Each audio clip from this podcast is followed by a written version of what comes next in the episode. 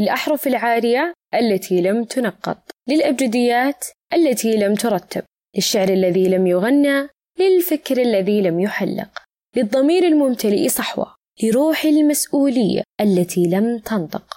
لكل صوت امتلأ معنى تدفق فكرا تحرر أملا استيقظ حرا. المنبر حق للجميع إلا أولئك الذين لا يدركون الفارق. أنا أثير عبد الله وهنا منبر أحد منتجات قناة مستودع. كما نرجو منكم المساهمة في نشر الحلقة من خلال مشاركتها مع من تعتقد أن هذه الحلقة تهمه كما نود تذكيركم بأنه بإمكانكم المشاركة في كتابة نصوص حلقات بودكاست منبر أو التقديم من خلال التواصل عبر البريد الإلكتروني مستودع دوت channel at gmail.com خشمك كبير. شعرك مجعد. جبهتك عودة بشرتك كلها حبوب. يا بنت حاتن بطلي أكل. كلها تعليقات ساخرة. يطلقها أفراد المجتمع أثناء التجمعات العائلية أو الأصدقاء كمزحة ثقيلة.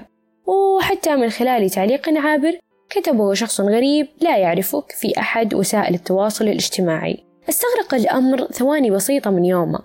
بس كلماته صارت عالقة في رأسك لتقنعك كم أنت قبيحة في أعين الناس. ونتيجة للتنمر وضغط المجتمع يلجأ بعض الأشخاص للعمليات التجميلية دون تردد ليحققوا معايير جمالية وضعها المجتمع. لكن لكن ماذا لو أصبح الناس نسخ متطابقة ذات ملامح متشابهة؟ الأسماء المختلفة هي الفرق الوحيد بينهم وبس.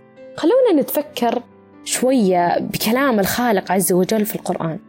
ومن آياته خلق السماوات والأرض واختلاف ألسنتكم وألوانكم إن في ذلك لآيات للعالمين. خلق الله الناس بألوان مختلفة فمنهم الأبيض والأسود والأسمر وميزهم عن بعض لحكمة بالغة. بالرغم من ذلك إلا أن الجراحة التجميلية كانت موجودة منذ زمن قديم.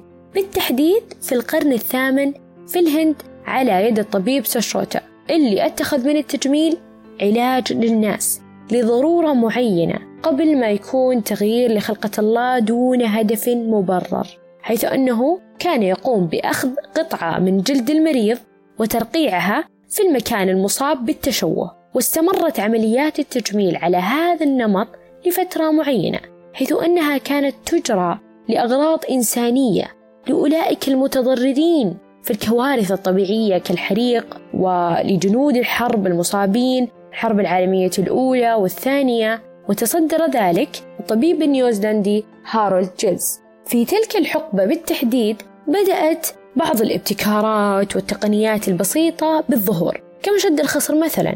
واللي ظهر في سنة 1830 واللي ترتديه النساء عشان يحسنون مظهر أجسادهم بالرغم من التشوه الذي يحدثه للأعضاء التناسلية.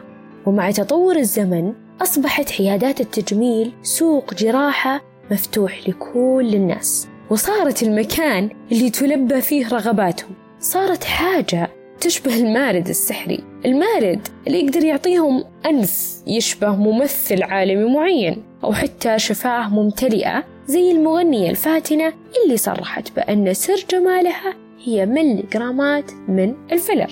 وتأتي كوريا الأولى في هذا المجال. واللي تعتبر عاصمة التجميل العالمية بالتحديد في مدينة سيول واللي أصبح التنافس فيها بين عيادات التجميل يجذب آلاف الناس من مختلف بقاع العالم حيث حققت عائدات مالية ضخمة تقدر نحو 120 مليون دولار سنويا وهذا رقم مرة كبير. في أحد المقابلات التي أجرتها قناة العربية لتقرير نشرة إخبارية مع رجال من مختلف الجنسيات تسألهم عن رأيهم حول قبول فتاة خضعت لعمليات تجميلية كزوجة. والغريب أن كل الإجابات كانت متشابهة وكلهم اتفقوا على أن الجمال يكمن في الروح قبل الشكل وأن المرأة بطبيعتها جميلة زي ما خلقها ربنا. بس السؤال مين اللي قيد المرأة بتلك المعايير؟ وخلاها تسوي كل هذه العمليات عشان ترضي غيرها مو حبا في ذاتها. ومين اللي زرع تلك المقارنات في عقلها لين ما صارت ما تتقبل نفسها زي ما كانت قبل. وفي هذا الإطار لعبت شركات مستحضرات التجميل حيل تسويقية أثرت على المستهلك واستحوذت على تفكيره وهالشيء خلاه ينفق أمواله دون تردد. وهذا ما يسمى بذكاء التسويق واللي يؤكده فيلب كوتلر عميد التسويق في العالم وصاحب كتاب التسويق من الألف للياء فيقول أن التسويق فن فهو يخلق قيمة جديدة غير مسبوقة ذات أهمية للمستهلك. من خلال استخدام ثلاث كلمات تجدها دائما في غلاف كل منتج تشتريه. جودة خدمة قيمة. ومن هنا تأتي حيلة ترديد بعض الكلمات على المنتج أو في الإعلان اللي يظهر على شاشة التلفاز. والسحر يكمن في ترسيخ هذه الكلمات في ذهن المستهلك ليقتنع بجودته حتى قبل أن يقوم بتجربته. حيث يدخل علم النفس كجزء رئيسي في دراسة سلوكيات المستهلك ومعرفة أهم طرق جذبه. ونذكر لكم عدة خدع نقع في فخها ونسارع في شراء المنتج دون تردد. أولا عرض مزايا أكثر فهو العامل الرئيسي الذي سيقنع الزبون دون شك. ثانيا استخدام عنصر الفضول في المادة الإعلانية المعروضة. لماذا؟ لأن الناس بطبيعتها تحب الاستكشاف والبحث عن الحقيقة ومقارنتها بالواقع وتسعى جاهدة لشراء المنتج لتأكيد فعاليته أو للتأكد من هذا المنتج فعال. ثالثا كلما كان تقديم المنتج مبهرج بالزينة وذات تصميم فريد من نوعه كلما زادت رغبة المستهلك أنه يحصل عليه لمجرد شكله اللي يوحي بالجودة العالية وما ننسى أهمية استخدام ألوان مفرحة. تعطي انطباع جيد عند النظر للمنتج لأول مرة. وجميع هذه الخدع صممت لتكون ملائمة لطبيعة الإنسان النفسية. ومن جانب آخر تتعاقد بعض الشركات مع أهم مشاهير العالم المحبوبين بين الناس عشان يكونون الوجه الإعلامي لمنتج معين لأن الناس تميل للثقة بهم والأخذ برأيهم على محمل الجد. ومع تقدم العصر الحديث وتطور وسائل التكنولوجيا صارت الإعلانات توصل لنا في الهواتف قبل التلفزيون عن طريق مشاهير ال social media اللي يمتلكون حسابات تصنف على أنها مدونة شخصية أو blog واللي يبدي فيها الشخص برأيه حول أي منتج يوصل له من خلال شركة معينة. وسرعان ما بدأ ظهور مصطلح جديد يطلقه الناس على هذه الفئة من المشاهير تحت مسمى فاشينيستا. وصارت وظيفة العصر وبدأت في تزييف الحقيقة وتلميع صورة المنتجات حتى يقتنع المستهلك بأهمية شرائها.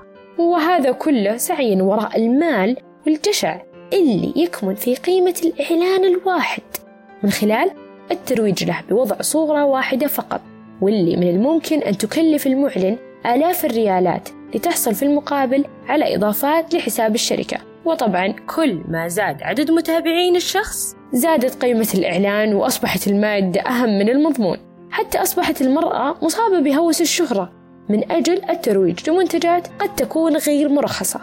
ومن زاوية أخرى يقول الكاتب ماثيو باريس في مقابلة بصحيفة تايمز أن شركات مستحضرات التجميل تحصل على المليارات ببيعها منتجات لسنا بحاجة لها أو قد تلحق بنا أضرار فادحة. فمن المعروف أن تلك المستحضرات تحتوي معظمها على مكونات تتسبب بأضرار للبشرة أكثر من علاجها. بدءا من تحول بشرة جافة ذات تشققات حتى تهيج البشرة واحمرارها نتيجة حرق الجلد. وتشير بعض الدراسات لوجود أكثر من ثمان آلاف مادة كيميائية تدخل في صنع تلك المستحضرات من أحمر شفاه وكريمات الوجه كمان. والمعروف بقابليته للاشتعال. وطبعا لا ننسى بعض المعادن الثقيلة مثل الزئبق والرصاص والتي يتم إذابتها في بعض المركبات الدهنية مثل زيت الكاكاو. ليوهم الناس بمكوناته العضوية المستوحاة من أرض الطبيعة وبعد كل هذه الأمثلة هل تعتقد أن صحتك أقل ثمنا حتى تعرضها لهذه الموجة من المخاطر؟ فما فائدة الجمال لو كانت الروح تصعد للسماء ويدفن الجسد تحت الأرض ولأن رضا الناس غاية لا تدرك لا تسعى وراء ما يحبون وتنسى اختلافك الذي يميزك الله به عن الجميع. وبكل جمال انتهت حلقتنا.